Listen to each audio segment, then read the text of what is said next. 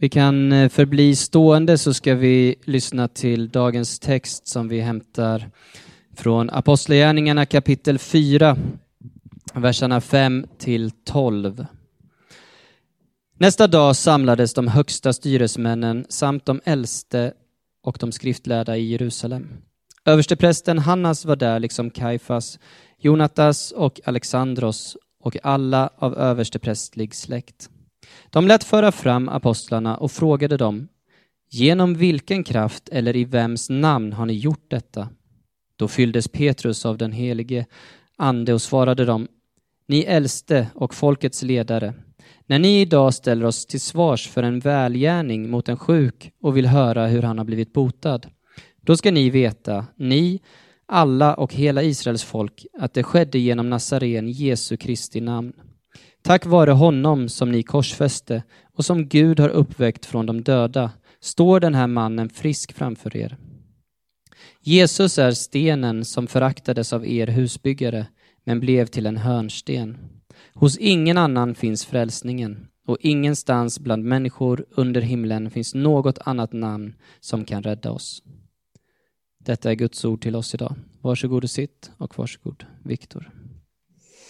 Ja, hörni. Eh, den här dagen, eh, jag har valt att kalla min predikan för pingsten, trefaldighetens fest, men eh, den här het, dagen heter ju typ eh, heliga trefaldighetsdag och Eh, dessutom så brukar den få heta typ missionsdagen och eh, dessutom så ja, finns det liksom, så här, vi är fortfarande i pingsten fast vi kliver in i eh, någonting som är framöver här. Så alltså, det är väldigt så här mellanläge och jag tänkte lite på det där, alltså vi har ganska många ord för att beskriva det där mellanläget. Överlappning, både och, gå omlott, mellan två jobb, man är i en gråzon. Eh, vi pratar om redan nu, men ännu inte. Ehm, och man är kanske inte, nu, nu för tiden är man ju inte liksom typ 11 eller 12-åring, nu för tiden är man ju en tween. Eh, eh, som att man är between då har jag förstått. Eh, så. Eh, och man vill gissningsvis vara en teen, men man är inte riktigt det. Eh, så. så det liksom finns ju många sådana eh, tillfällen i livet och eh, sådär. Eh, och det här är ju då verkligen en sån här övergångssöndag där vi avslutar pingsthögtiden på ett sätt, i alla fall traditionellt gjorde vi det. Eh, så, nu har vi som ju faktiskt är en pingstkyrka tänkte vi predikar lite om det nästa söndag också, för det är ju eh, gott att predika om, vad är det Linus, andens liv, anden, anden och dop, ja bra. Det, det blir jättebra. Det är eh, otvetydigt. Eh, Nej, men vi har ju varit igenom nu då liksom, det, det är ju slutet också på, då på feståret, eller fest, liksom, det den liksom första halvan av kyrkoåret. Eh, vi har ju varit med om väntan i advent, om Guds människoblivande i julen, om glädjen över att sprida evangelium i Epifania, om fastans eh, ja, men smärta och smälek, om vändningen som sker i och med påsken. Eh, vi har varit med om eh, uppstånd, eller, ehm, uppståndelsen och sen Kristi himmelsfärd, där Gud liksom så slår spiken i kistan på eh, Jesu gärning och det liksom blir avklarat. Och så har vi väntat i ytterligare, ytterligare några dagar för att nu landa in i, liksom, i pingsten. Och på så vis så har liksom Gud uppenbarat sig för oss eh, ja, genom sin, liksom, som fader i eh, födelsen, i, som sonen i påsken och nu som anden i pingsten. Och det är det som vi då firar den här dagen, trefaldigheten, treenigheten. Och nu går vi då in i den tiden på året som inte har så mycket fester och det kommer du märka Linus, för det kommer inte vara lika många röda dagar. Eh, det är nämligen så att i Sverige så har vi haft ett system där, där kyrkan har fått prägla kalendern. Eh, och eh, så, så nu blir det bara vab du får förlita dig på. Eh, och eh, och det kan ju, i, i, i den, svenska, den svenska traditionen så, så, heter den, den här tiden trefaldighetstiden, alltså vi benämner söndagarna andra och tjugoandra söndagen efter trefaldigheten. Eh, och I den engelska, eh, i den liksom engelska kulturen så, så heter det eh, oftast istället eh, ordinary. Ordinary time. Eh, och det kan ju liksom kännas sjukt tråkigt, tänker man ju spontant. Man vill ju ha fest, inte ordinary. Eh, men poängen är förstås att det är ett fokus på Jesu Kristi liv som levs ut genom oss istället för att liksom fira hans liv som det var. Eh, att anden nu får verka i våra liv och det är en slags inkörsport till den tiden som den här eh, gudstjänsten är. Och det blir lite som ett halvår av vardag. Tänk er det, måndag, tisdag, onsdag, torsdag, fredag, måndag, tisdag, så, utan helger liksom. Det, eh, det blir det förstås inte. Men, men det är liksom den det är den tanken på något sätt, liksom, att vi kliver in i en tid som nu fokuserar på liksom att ut. Och därför är det också inte helt orimligt att man har valt att i vissa traditioner att kalla det just för missionsdagen. För att det liksom sker en vändning från att Gud kommer till oss och nu så vänder sig det hela och vi som Kristi kyrka vänder oss ut till världen. Och det har vi ju gjort hela tiden så förstås. Men, men här nu på ett speciellt sätt är det så. Detta är således festen som inleder den icke-festliga tiden, så kan vi säga. Eh, nu min eh, första punkt, den treenige guden i arbete. Därför att dagens text utspelar sig inför Sanhedrin, det judiska rådet, där Petrus och Johannes utreds för att de har helat en lam man i Jesu namn. Och eftersom de som vanligt inte riktigt kunde hålla tyst så passade de också på att predika för alla som var närvarande i Salomos spelarhall. Och vi ser här beskrivningen, eh, i beskrivningen att det, liksom, det avslöjar någonting om Gud, om vem han är. Och i den här texten så, så beskriver eh, Lukas hur anden uppfyller Petrus och hur Jesus helar och frälser och hur Gud har uppväckt Jesus från de döda. Och Guds faderns roll inför det här rådet av eh, liksom, Sanhedrin, av det judiska rådet och styrelsemännen här, så är inte det jätteviktigt att poängtera vem Gud är. Det är de ganska väl bevandrade i. De har, många av dem, eh, lagt hela sina liv på att klura ut det. Så att det är inte av avgörande vikt. Däremot är det avgörande att presentera vem Jesus är. Att presentera honom som korsfäst, död och uppstånden. Och anden, som ju inte omnämns i samtalet dem emellan, är, det är precis just så, liksom, att det är så uppenbart för Lukas att anden är den som uppfyller Petrus och ger honom mod och vältalighet. Så det är helt självklart för honom att beskriva det på det här viset. Och det är ju, det kan vi kanske återkomma till någon gång till under predikans gång, men, men det är precis så det är med anden, att anden tar väldigt sällan liksom det första rummet. Är all sällan den som kliver fram och bara titta på mig.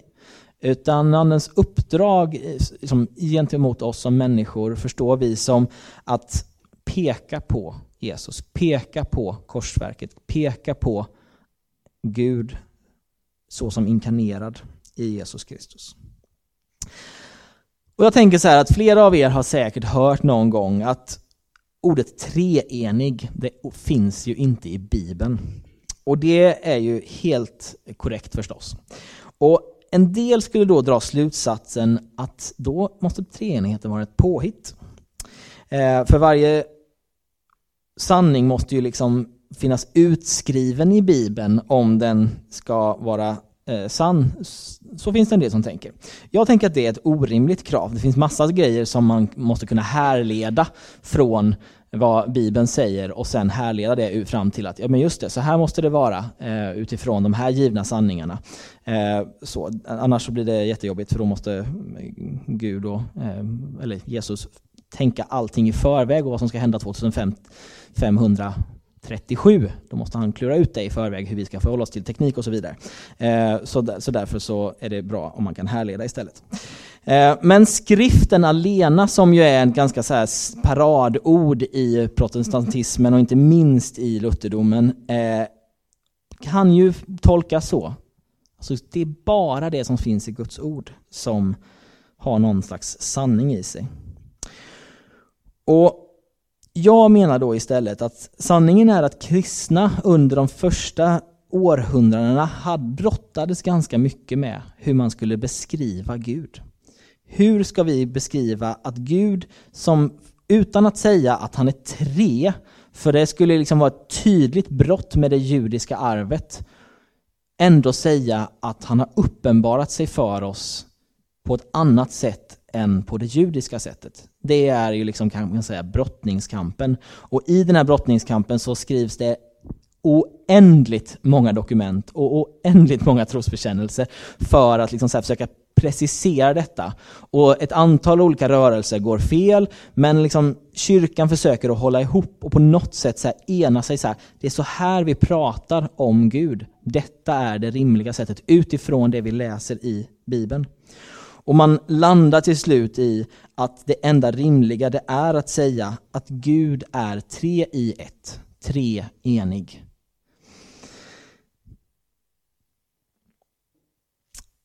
Vi har ju inte fullständig kunskap om Gud. Och det kan ju vara rätt jobbigt egentligen, tänker jag. För vi gillar ju att boxa in och sätta i system. Jag tror att de flesta tycker att det är skönt. Och inte minst om man råkar vara svensk. Eh, men med Gud kan man ju inte göra det. Och det som vi kan göra däremot, det är ju att se till hans verkningar, eller liksom det som han gör. Eller effekterna som kyrkofäderna eh, skulle ha sagt. De här beskriver ju vad han gör, inte därmed exakt vem han är, men definitivt något om vem han är. Det är säkert långt ifrån alla som har sett den här filmen Arrival med Amy Adams och vad heter han, Jeremy någonting, Renner. Eh, och jag förstår det, för det är en äh, Alien-film äh, och det är inte nödvändigt att alla kollar på Alien-filmer. Den här Alien-filmen är lite annan, det är inte riktigt typ den här Alien Covenant och alla de där, ni vet, de som är där Alien kommer och ska förstöra mänskligheten. Det är inte en sån spoiler alert. Men äh, det här är en liten annan som försöker så här, twista lite i huvudet och den är så här, ganska, ja men lite utmanande. så, så se den någon gång om ni vill ha någonting att tänka på kvällen.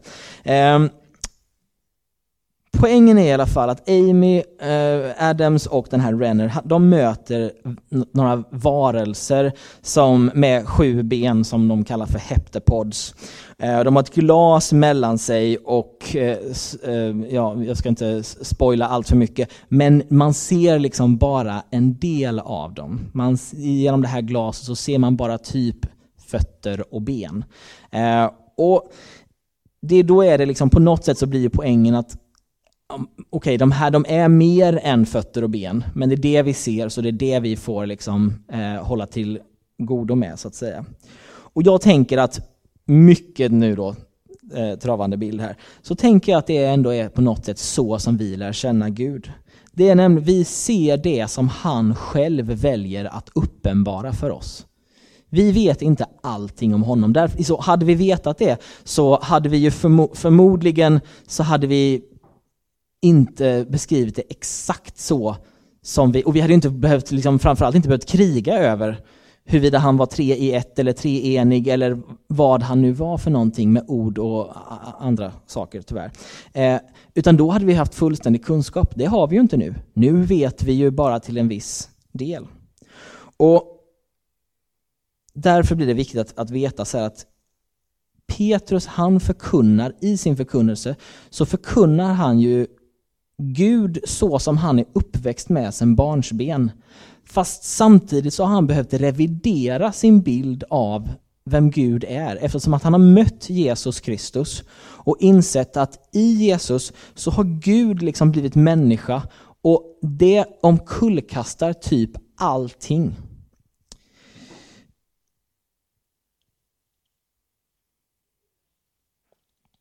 Och då tänker jag att det liksom är andens kraft i honom som gör att han vågar gå emot det som han liksom av, från barnsben har lärt sig och vet är sant. Och det är därför han kan stå inför ett stort råd av de kanske allra mest lärda i Israel och säga ni har fel. Därför att han har en erfarenhet, ett möte med någonting annat. Jag tror inte, eller jag gissar i alla fall, att han är som många av oss andra. Vi ändrar inte åsikt bara för att någon presenterar ett bra logiskt argument. Vi ändrar generellt sett åsikter därför att vi har upplevt någonting nytt. I, när vi går igenom tuffa perioder i livet, då kanske vi korrigerar lite grann av vår syn på världen, vår syn på bild, vår syn på Gud eller annat. Det är i mötet med saker som, sak, som vi ändras, som vi förändras. Gud är i arbete i den här texten. Han gör saker och han uppenbarar sig som tre personer. Och kristna har genom tiderna då som sagt uttryckt det med liksom det här treenig. Och jag tänker att vi på samma sätt som Petrus skulle ha nytta av att våga expandera eller revidera vår tro ibland. Inte så att vi skulle liksom säga, nej nu ska vi, nu ska vi lägga bort det här som vi, det här tyckte, det här kändes gammalmodigt. Inte så att vi skulle modernisera den, men jag tror vi skulle behöva kalibrera oss ganska ofta du och jag gentemot vem Gud är. Så att vi inte hamnar i situationen där vi, där vi har bestämt oss för att nej men så här är det. Utan istället utsätter oss för mötet med Gud själv. Genom att läsa Guds ord själva, genom att be, genom att möta anden, genom att fira gudstjänst tillsammans, genom att ta eh, emot nattvarden. Allt detta utsätter oss för mötet med Gud. Då kan, tror jag, vi uppfatta Gud som den skapare och upprätthållare och far som han är. Vi kan möta Jesus som den frälsare och helare som han är och anden som livgivare och kraftgivare in i våra liv. Jag tänker vi ska kolla lite snabbt på andens effekter eh, utifrån den här texten och vi läser vers 7 till eh, 10. De lät föra fram apostlarna och frågade dem genom vilken kraft eller i vems namn har ni gjort detta? Då fyllde Pet fylldes Petrus av helig ande och svarade dem Ni äldste och folkets ledare, när ni idag ställer oss till svars för en välgärning mot en sjuk och vill höra hur han har blivit botad, då ska ni veta alla ni, och ni alla och hela Israels folk, att detta skedde genom Nazaren Jesu Kristi namn. Tack vare honom som ni har korsfäst och som Gud har uppväckt från de döda står den här mannen frisk framför er. Det är ju inte första gången som Jesus eh, hanterar, eh, förlåt, apostlarna hanterar det här judiska rådet. De har ju varit där eh, någon gång tidigare och det har varit liksom lite fängsligt. Det är en ansträngd relation, så kan vi säga, eh, för att förenkla. Och Petrus han fylls nu då med ande. Och vi kan gott notera att det händer gång på gång på gång genom apostlagärningarna. Det är inte vad vi kan se en engångsföreteelse där det liksom en gång i livet, aldrig mer, utan det händer gång på gång på gång. Och det verkar som att det blir bättre efter varje gång, att det blir mer andefyllt liv, så det verkar vara en positiv grej att det händer. Och det, jag tycker det är värt att notera att Petrus som är apostel, ledare av kyrkan, som har vandrat lång tid med Jesus, behöver den här andeuppfyllelsen. Det gör honom och hela kyrkan frimodig. Väl grundad i sin övertygelse och fylld med mod och kraft att förkunna Jesus. Det är pingstmiraklet. Fylld med kraft att förkunna. Och i centrum av den här förkunnelsen så är det, står Jesus som korsfäst och uppstånden. Och det tror jag är ett gott råmärke eller en referenspunkt att bära med sig. Blir Jesus framlyft som korsfäst och uppstånden? Eller bleknar han bort i ljuset av ja, vi ska inte vara alltför elak, men fluffiga hänvisningar till eh, kärlek eller den obeskrivbara eller vad det nu kan vara för någonting som när vi vill distansiera oss från Gud. När Gud som har kommit nära oss genom Jesus Kristus blir borttryckt av oss. Då är det gott att påminna sig om att detta är, detta är centrum för kunnelsen. Jesus som korsfäst och uppstånden. Eller den andra sidan av det här med kanske ett alldeles för stort fokus på människor. För stort fokus på upplevelsen snarare än den uppstående. Det är också en god referenspunkt att i det läget titta och säga så här, vad är det som är i centrum? Vad är det som är det viktiga här? Är det Kristus som uppstånden? Är det Kristus som korsfäst? Eller är det mina egna erfarenheter? Mina egna känslor? Eller är det min egen distansering från Gud?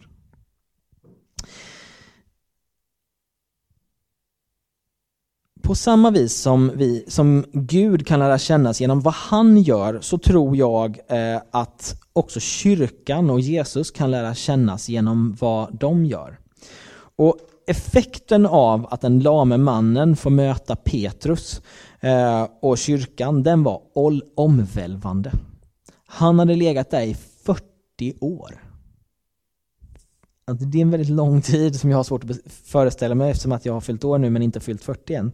Så eh, det är en väldigt lång tid. Jag kan räkna upp ganska många saker som jag har gjort under eh, de här 31 åren eh, men inte skulle jag kunna tänka mig för mitt liv att göra det som liggandes på en matta lam. Och det är klart att när det här händer när Pet Petrus och Johannes går fram och säger vi har inte silver och guld, vi har inte pengar som vi kan hjälpa dig med, men vi, vi har Jesus. Ställ dig upp. Och, och, och Lukas beskriver det som att han tar ett språng upp, vilket ju är helt fantastiskt på en människa som förmodligen har som allt är förtvinat. Liksom. Eh, han tar ett språng upp och blir instantly helad. Det är klart att den effekten som det har, det är omvälvande. Och den effekten, den så att säga, vad Petrus, vad kyrkan, vad Jesus gör för någonting blir ju jättetydlig i den här mannens liv. Och han börjar ju, för er som känner berättelsen, börjar ju springa runt och säga liksom detta är fantastiskt. Och Petrus tar tillfället i akt och förkunnar då i eh, Salomos pelarhall, vilket leder till att de blir inkallade till rådet och säger vad håller ni på med? Och vi skulle ju gott kunna fråga oss vad vi som kyrka har för effekter. Är det ett möte med Gud själv som är kärlek och liv och frid? Där det finns helande, frihet och upprättelse? Är det det man möter? Eller är det ett möte med dom, utanförskap, olust och bundenhet? Jag säger inte att det är något av dem.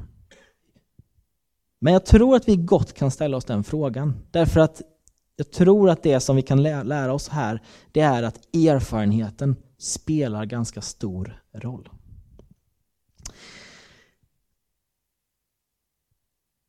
Tredje och sista punkten.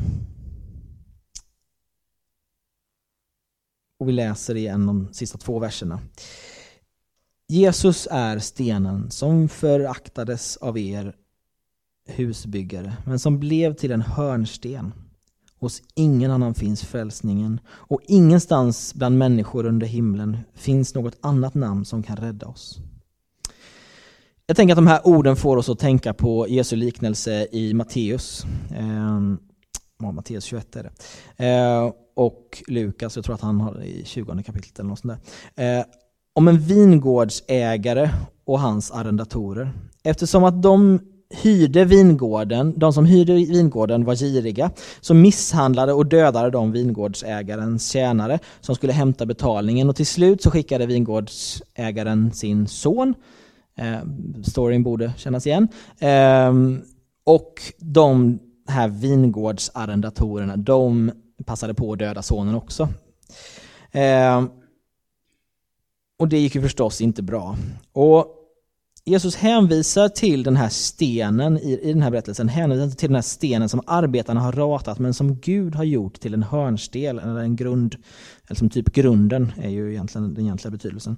Eh, och det är tydligt att de judiska ledarna är de här arrendatorerna i vilken, ifrån vilken Gud ska ta tillbaka sin vingård. Och Gud ska sedan ge den till ett folk som bär frukt. Och det när man förstår det här så inser man att den här texten, alltså det, är, det är så provokativt av Petrus att stå och säga inför de här männen som har som alla springer runt och har stora feta skägg som är jättesköna hipsters. Men de samtliga har god gedigen utbildning och erfarenhet. Och så kommer det här en ganska ung spoling och säger jag har erfarenhet av något annat. Och det jag har erfarenhet av, det är rätt, det är sant. Och Gud kommer ta ifrån er er vingård. Och han kommer ge den till ett annat folk. Det är liksom Petrus egentliga, ganska pushiga budskap.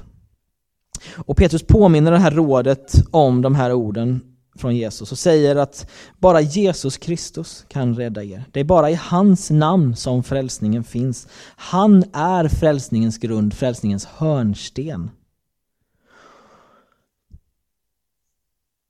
Och de här skriftlärda som har ägnat hela sitt liv åt att förstå vad skriften säger och hela sitt liv åt att göra så som skriften säger. Till dem säger Petrus, revidera er tro. Expandera er tro. Jesus har kommit. Anden har blivit oss given. Något nytt har hänt. Det finns bara ett enda namn genom vilket vi blir frälsta. Och det är Jesus. Tänk om det är så för oss som det var för Petrus och apostlarna. Att bara genom att möta Jesus så kunde gudsbilden bli korrekt och tillbedjan därmed bli sannare. Tänk om det verkligen är så att anden behövs för att både förstå Jesus mer sant men också ha kraft att leva i hans efterföljd och förkunna om honom.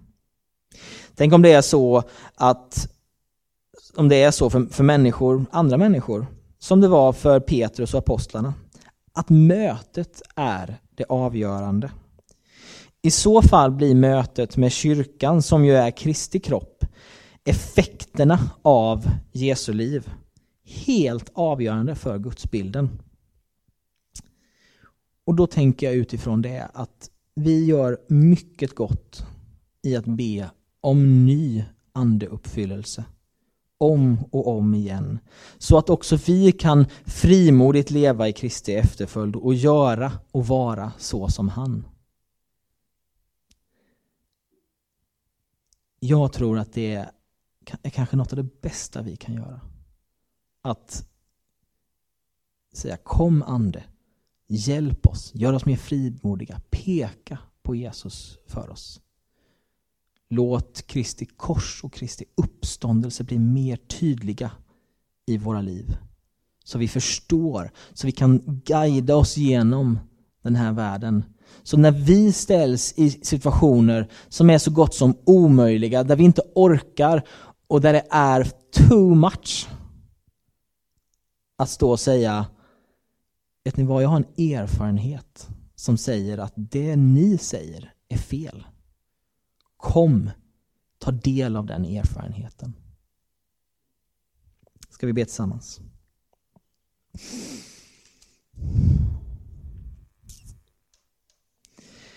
Gud, du som är Fader, Son och helig Ande. Det är så eh, utmanande att läsa texter som den här som så tydligt framhåller dina apostlar som fantastiska förebilder och vi själva speglar oss i det och inser att vi nog inte besitter den där frimodigheten. Och det är samtidigt så skönt att få läsa i ditt ord att, att det är anden som gör skillnaden att det inte nödvändigtvis sitter i att heta Petrus eller Johannes utan att det är anden som gör hela skillnaden.